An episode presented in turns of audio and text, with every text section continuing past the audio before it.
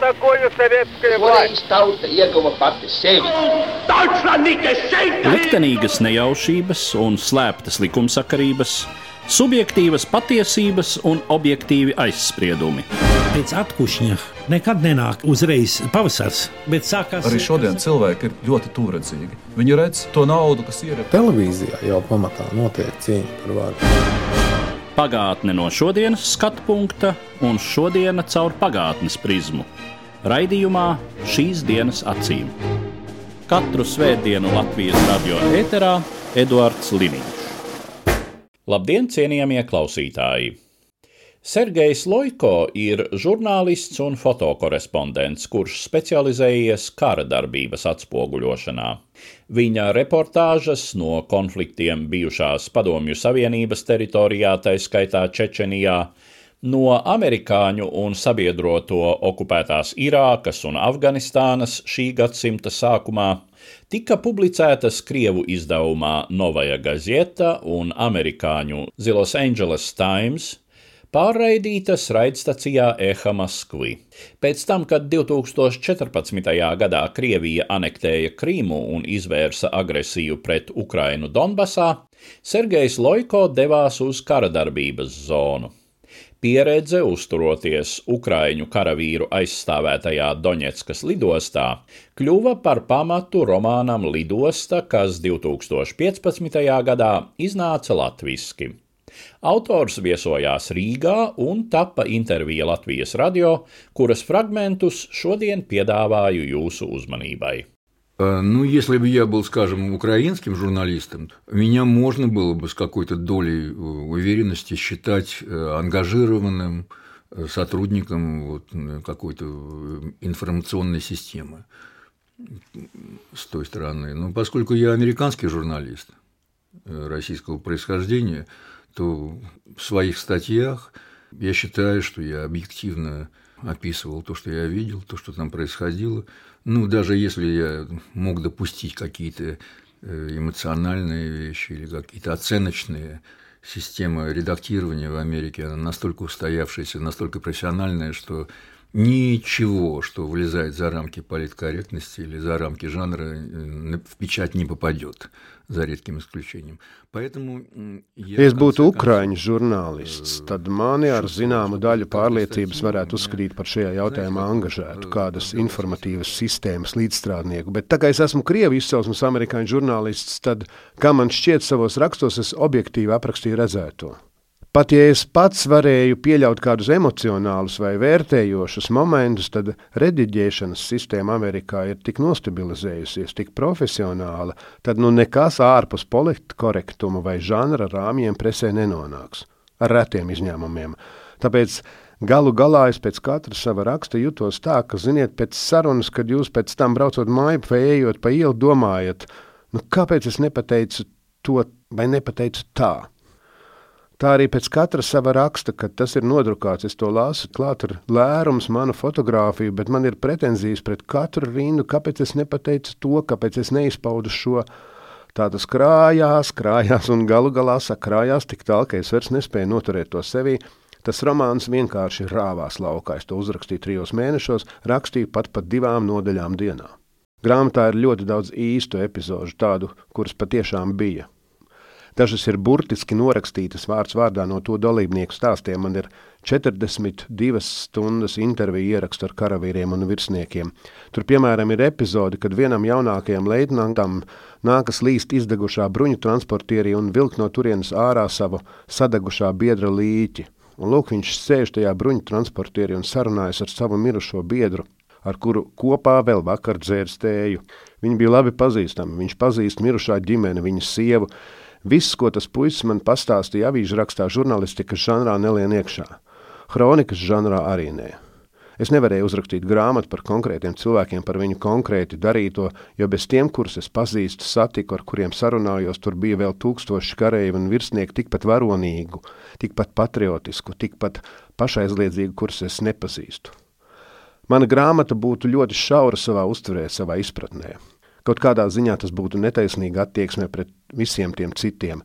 Tāpēc, kad es sāku strādāt pie grāmatas, sapratu, ka tam ir jābūt romānam, kura pamatā ir reāli fakti, bet lai katrs, kurš to lasa un ir piedalījies šajā karā, vai kura tuvinieki radi ir piedalījušies, varētu to izlaist caur sevi, asociēt ar šiem varoņiem, saprotot, ka tie ir izdomāti tēli, bet tie visi ir norakstīti no reālām personībām. Daudzi ļoti tieši tā sacīt nozīmēti, cik nu man to atļāva manas spējas. Ir arī daži kompilēti tēli. Учитывая характер, размер, стиль романа, мне приходилось что-то адаптировать, смещать во времени, в пространстве. Но для меня очень важно было оставить речь героев такой, которую я ее слышал так, как они мне рассказывали, чтобы люди услышали их голоса, чтобы читать... Vairāk es centos pat nedetalizēti pārstāstīt kādas notikušas epizodes, jo ņemot vērā romānu raksturu, apjomu, stilu, man daudz ko nācās adaptēt, pārbīdīt laikā un telpā, bet man bija ļoti svarīgi saglabāt varoņu runu tādu, kādu es to dzirdēju, kādā viņi man to stāstīja lai cilvēki dzirdētu viņu balsis, jo apraksts tas tomēr ir mans individuālais apraksts, un lasītājs vai nu spēja paraudzīties manām acīm vai nespēja. Mana valoda viņam var derēt vai nederēt, bet kad ir šī karēju un virsnieku tiešā runa, tad tā ir kara balss. Man pašam tas ir vērtīgākais, kas ir šajā grāmatā. Es viņiem devu iespēju pastāstīt par sevi lai tas nebūtu vienkārši stāstu krājums. Izdomāju šo amerikāņu fotogrāfu, kurš nonāk karā, un mēs viņa acīm ar viņa fotografa grafisko uztveri redzam notiekošo, redzam cilvēkus, šos karavīrus, dzirdam viņu runu, un šis tēls man bija nepieciešams kā notiekošā hronists. Jo es jau varēju uzrakstīt grāmatu pirmajā personā, bet atkārtot, tā būtu daudz šaurāk uztverama nekā es ceru šis romāns. Grāmatā ir milzums epizožu, kuras vienkārši nesatilpa avīžu rakstos. Es rakstu, un redaktors man saka, 800 vārdu, 600 vārdu, 1200 vārdu. Piemēram, tā mazā epizode, kad divi puiši izskrien uz pastāvīgi apšaudīta lidostas skrejceļa, lai atrastu granātas saplosītu tankista ķermeņa daļu, ieliktu to tukšā granātu kastē, piesiet pie piebraukušā bruņu transportiera un aizsūtītu uz mājām, lai ģimenei būtu ko apbedīt. Šī pusneprātīgā rīcība, kuru pat grūti ir nosaukt par varonību, uzsvērta rāda, ka tie nav profesionāli karavīri, bet gan vienkārši cilvēki, kuri ir nonākuši karā. Tie nav roboti. Un rakstot man tas bija ļoti svarīgi. Manos avīžu rakstos bija personāžu apdzīvoti notikumi, un šie personāži bija sekundāri. Bet te man parādījās varoņi, viņi kļuva primāri, Viņi kļuva galvenie. Formāli galvenais varonis ir šis amerikāņu korespondents, bet patiesībā tas ir tikai diedziņš, kas sasaista kopā visas šīs grāmatas īstenos varoņus kur tur ir весела галерея. Это не были роботы. И для меня это было очень важно. Еще раз возвращаясь к моим статьям, в моих статьях были события, населенные персонажами. И персонажи были вторичные. Здесь у меня появились герои, и они стали первичны, они стали главными. То, что как бы формально главным героем является этот американский корреспондент, на самом деле это просто ниточка, которая связывает всех настоящих героев этой книги, а там целая галерея лиц, целая галерея образов. Turpinājumā piedāvāju noklausīties fragmentu no Sergeja Loiko romāna Lidosta.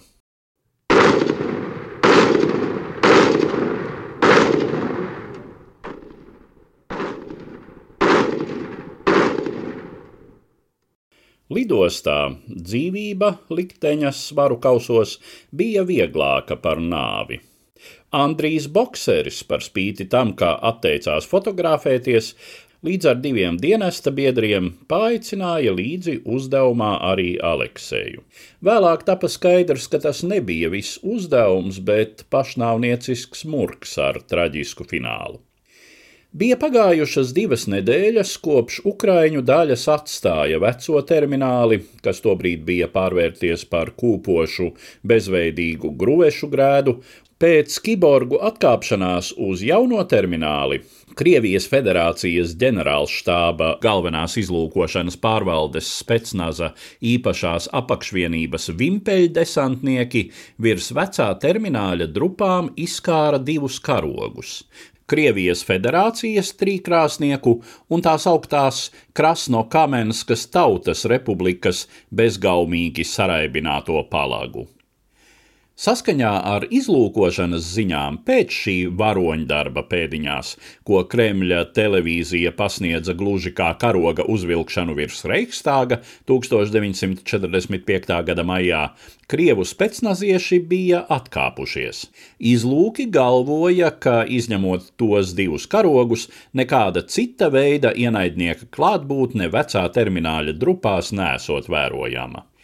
Tomēr Kacapiešu un Tautas republikas karogi tik ļoti saniknoja Andriju, Ļvivas taksistu un divus viņa draugus, ka viņi nolēma šķērsot nebeidzamo 200 metrīgo nāvējošo šķēršļu joslu, lai nokļūtu vecajā terminālī, norautu šos Hanebnihančirki, apkaunojošās lupatas un uzvilktu vietā Ukrainas žovta blakitnī stjak, dzeltenzilo karogu. Aleksejam pateica, kā esot saņēmuši tādu pavēli. Agri no rīta miglā viņi četratā devās uz veco termināli. Aizkļuva turp bez starpgadījumiem, norāva abus ienaidnieka karogus un aizņēmušies kātu no viena, uzvilka savu stjagu, uztaisīja selfijus, ko izrādīt Facebookā draugiem un draudzenēm, un tad abi Andreja draugi palūdza Alekseju, lai nofočē viņus kopā.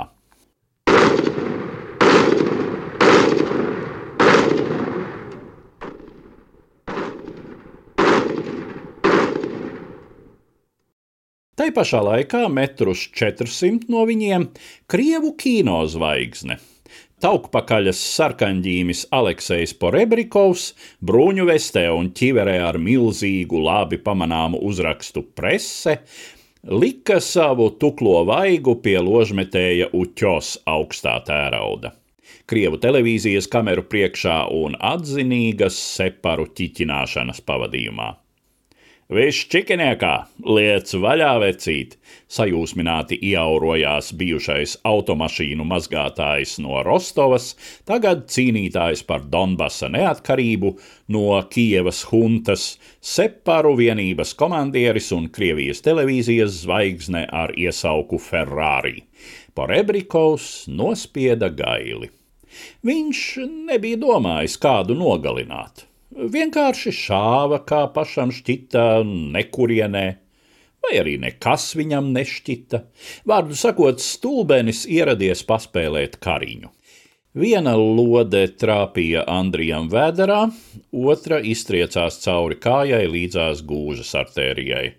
Izrādījās, ka fotogrāfs Aleksējs ir vienīgais, kurš zina, kā apstādināt asiņošanu, un viņš to arī izdarīja, likdams lietā kāda kaujinieka aptieciņā atrodamo un materiālus, kas gadījās par rokai, bet pēc tam inicēja jau samaņu zaudējušam Andrijam pretsāpju līdzekli.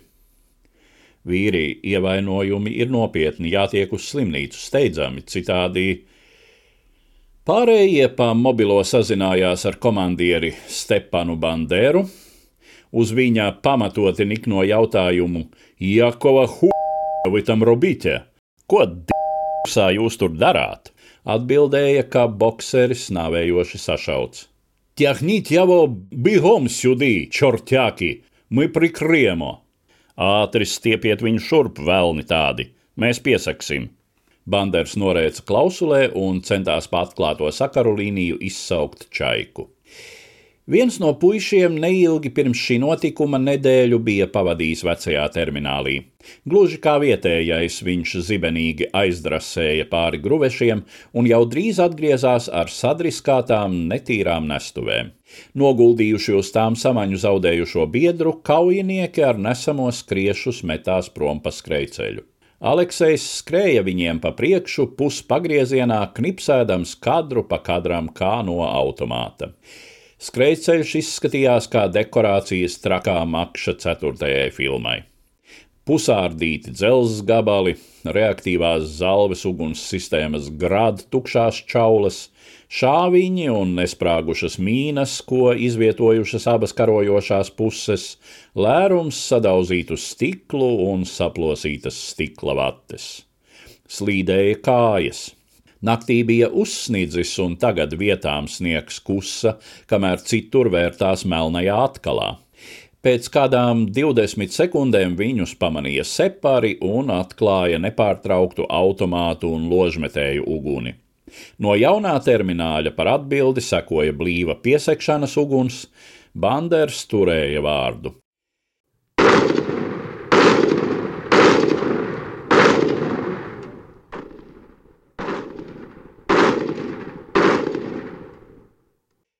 Galēju briesmu brīžos, kad tavs liktenis jau balansē uz veiksmes naža asmens, vēl nespēdams izlemt dzīvot tev vai mirt, izjūtas nospriegojas tik tālu, ka katrs esamības mirklis izstiepjas steju bezgalīgs, it kā tas būtu beidzamais.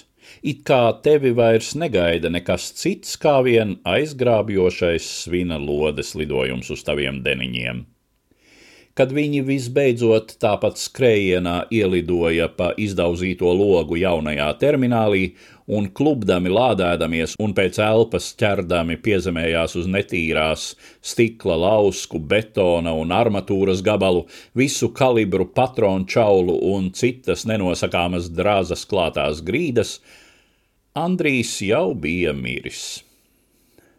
Virs vecā termināļa plīvoja Ukrainas karoks. Aleksejam šķita, ka viņš dzird, kā dzeltenzilais audekls sitas vējā. Ausīm šī skaņa šķita kā zvanu dimdoņa, taču šoreiz tika izzvanīts nevis viņš, bet gan pārgalvīgais, lai arī māņticīgais skaistulis Andrijs, kuru mājās gaidīja līgava.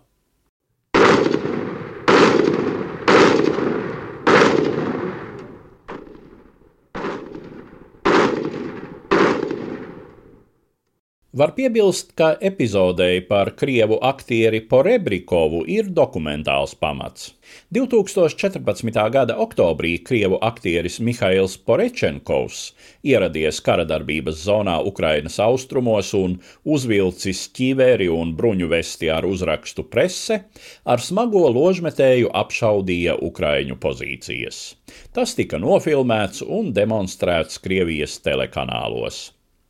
Turpinājumā vēl viens fragments no manas intervijas ar romāna Lidosta autoru Sergeju Лойко. В 13 году я бы ни за что не поверил, что Путин аннексирует Крым.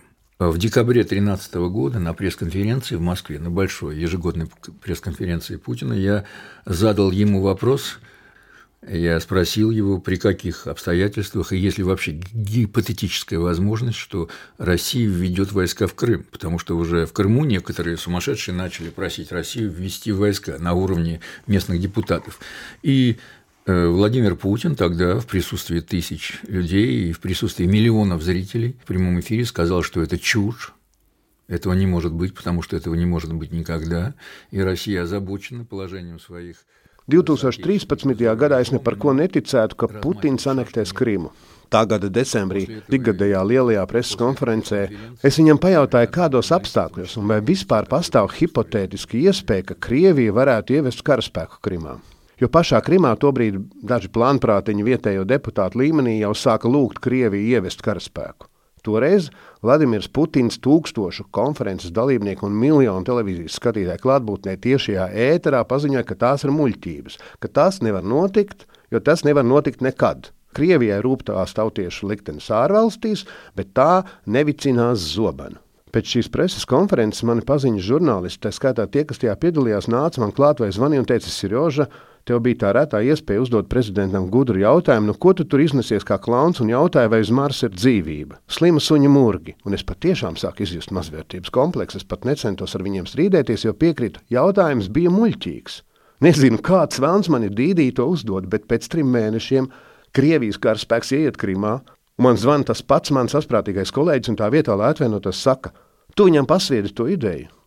Tā ka pie tā, ka Krievija anektē Krimu, esmu vainojams es. Kā žurnālistam man vienmēr ir jāpasaka, ka tas ir joks, lai kāds dievdēļ neiedomātos, ka tas nav joks. Un es nekad neticētu, ka tas notiks. Kā es pirms 2014. gada aprīļa nekad nenoticētu, ka Donbasā sāksies karš starp Krieviju un Ukrainu. Asiņains karš, viens no briesmīgākajiem, kādus man ir nācies savā dzīvē redzēt, un tagad es vairs ne par ko nebrīnīšos. Diemžēl man tas ir jāsaka esot Latvijas Nacionālās raidstacijas ēterā, es nebrīnīšos, ja vienu dienu padomi, tas ir krievu tanki, piedodiet man šo frēdisko pārteikšanos, pārkāpjot satiksmes noteikumus, dārdinās par Rīgas ielām. Es nezinu, kā pret to attiecaties jūs, taču pat ja tam nedrīkst ticēt, tad arī izslēgt to nedrīkst. Я не знаю, как вы к этому относитесь, но даже если в это нельзя верить, но исключать этого нельзя. Путин, он все время пробует Запад на слабину. Это как тот хулиган, который в своем районе совершает сначала карманную кражу, потом кого-то избивает, потом кого-то убивает. Putins visu laiku mēģina uzķert rietumu vājumu. Kā tas huligāns, kurš vispirms izvelk kādam maku no kabatas, tad kādu piesit, tad jau kādu nogalina, aizdedzina kādam māju, kādu izvaro, nolaupa cilvēkus, Galu galā viņš ar bandītiskām metodēm uzkundzējis šajā rajonā, ja vien tur neierodas policija. Bet šai Krievijas ielā policija neiegriežas. Bet no Kremļa logiem Krievijas iela ir ļoti gara un ļoti, ļoti plata. Ziniet, no Kremļa logiem šīs ielas otrā galā redz domu baznīcas, par to nešaubos. Ja atceraties 1983. gadā, kad tika notriekta Dienvidkorejas pasažieru lidmašīna ar vairāk nekā 300 cilvēkiem, pagāja pavisam īsts laika sprīdis un netalantīgs aktieris, bet viens no spēcīgākajiem Savienoto valstu prezidentiem Ronalds Reigans nosauca Padomju Savienību par ļaunumu impēriju.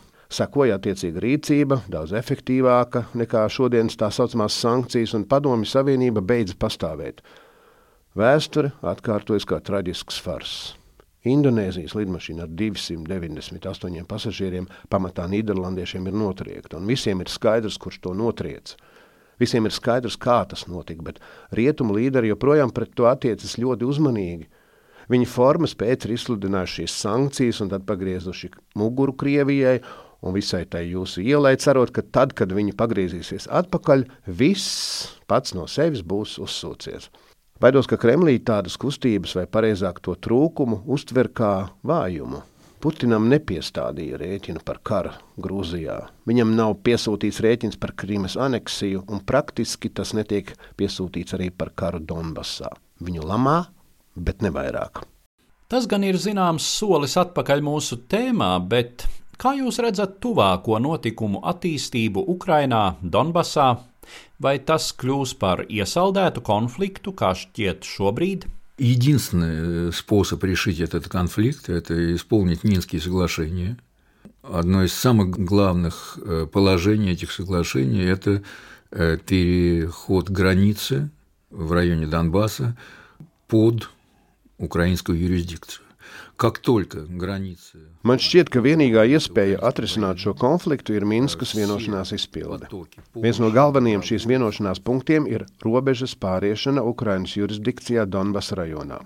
Tiklīdz robeža būs nodota Ukraiņas spēkiem, visas palīdzības brīvprātīgo kara tehnikas plūsmas pāri tai izbeigsies. Krievija, nododot robežas kontroli Ukraiņiem, protams, izvedīs no Donbasa visus regulāros spēkus, kur tur joprojām atrodas tās marionetes, kuras tur šobrīd it kā ir pie teikšanas, patiesībā vienkārši ir bandīti, kuriem nav nekādas idejas, kas kaut mazākajā mērā saistītos ar mītisko jaunu Krieviju, kaut kādu neatkarīgo Donbasu, Donbasa tautas republiku. Tāpēc viņi pamuks paši no sevis, tur nevajadzēs nekādu kaujas operāciju. Tā būtu vislabākā izēja. Ja tagad Ukraina mēģinātu atdabūt Donbasu, tas nozīmētu atkal provocēt Krieviju uz kara darbību. Šobrīd Ukraina ir pilnīgi spējīga atgūt Donbasu ar militāriem līdzekļiem, ja vien pilnā mērogā neiejaucas Krievija. Taču pie tam vēl lielākā daļa Donbasa tiks sagrauta, ies bojā vēl vairāk cilvēku, jo tas pat tagad joprojām ir biezi apdzīvots reģions. Tur joprojām ir saglabājušies kaut kādi uzņēmumi, infrastruktūra, bet pēc šādas operācijas Donbass pārvērtīsies par melno caurumu. Krīmu neviens nav izpostījis, bet jau tagad Krievijas varai tuvi ļaudis paziņo, ka tās uzturēšana ir nepanesama nasta pat Krievijai. Tāpēc Donbass kļūs par vēl nepanesamāku nastu Ukrainai, ja tur turpināsies kara darbība. Jo ir skaidrs, Donbass neizbēgami atgriezīsies Ukrainā. Насчет Крыма я не знаю.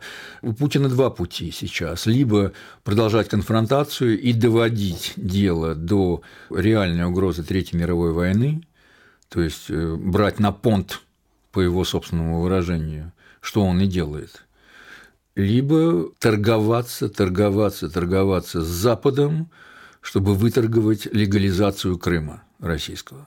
Вот что тоже маловероятно, Kā būs ar Krimu, nezinu. Putinam ir divas iespējas.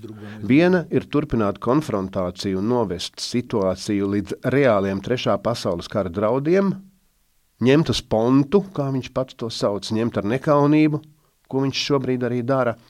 Otrs variants ir tirgoties, tirgoties un tirgoties ar rietumiem, cerot iztirgot Krievijas Krimas legalizāciju, kas arī ir maz ticami, nereāli, bet Putins to nesaprot. Viņš dzīvo citā dimensijā. Viņš joprojām ir Molotova-Ribbentropa pakta valdzinājuma varā augst apsēsties ar Ribbentropu pie sarunu galda un sadalīt pasauli. Tikai Ribbentropa jau vairs nekad nebūs. Putins cer atjaunot Jaltu. Viņš grib apsēsties pie sarunu galda ar Čērčilu un Rūzveltu, bet arī Čērčila un Rūzvelta jau vairs nav. Staļins ir Viņš dzīvo ikvienā no mums, sevišķi jau bijušās Padomju Savienības teritorijā, bet nekādu Čērčilu un Rūzveltu vairs nebūs. Un pat tie mīkstšķaulīgie rietumu līderi, kur atgriežas no Putina un domā, ka viņš pats no sevis kādā brīdī uzsūksies kā džins, kas reiz izlīdz no šņabi pudeles, pat viņi nedalīs ar viņu pasauli. Krievija turpina ripot pretī savas attīstības traģiskajam strupceļam. Jūs jautājat, kur rodas tie 86%? Kāpēc Krievijas nācija ievēl tādu prezidentu? Kāpēc tā ir tik apātiska? Kāpēc tā ir par karu? Bet, ja mēs paskatāmies uz Krievijas vēsturi, Eiropā viduslaika ir konkrēts periods, un pat tajā tur pastāvēja universitātes. Tad Krievijā viduslaiki turpinājās vairāk nekā tūkstošu gadu. Dzimtbūšana Krievijā ir atcelta tikai 1861. gadā. Pēc tam tā atkal tika atjaunota 1918. gadā un faktiski pastāvēja līdz 1989. Tātad visu savu tūkstošgadīgo vēsturi Krievija attīstījās kā vergu valsts.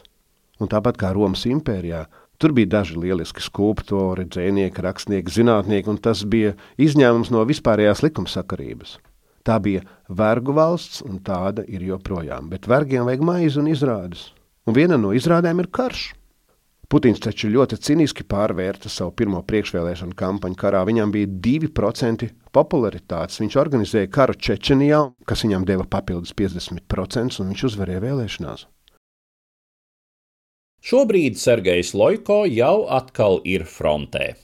Iestājies Ukrainas teritoriālās aizsardzības spēkos, viņš ar kameru apstaigā ierakumus un karavīru izmitināšanas vietas, ierakstot īsas ekspresa intervijas un izvietojot tās sociālajos tīklos. Līdz nesenam laikam šie materiāli tapa Kijavas pievārtē, pašreiz Sergejs Loiko jau ir Harkivā. Kā saka viņš pats, tā top šodienas Ukrainas varonīgas, pašaizliedzīgas un brīvību mīlošas nācijas portrets.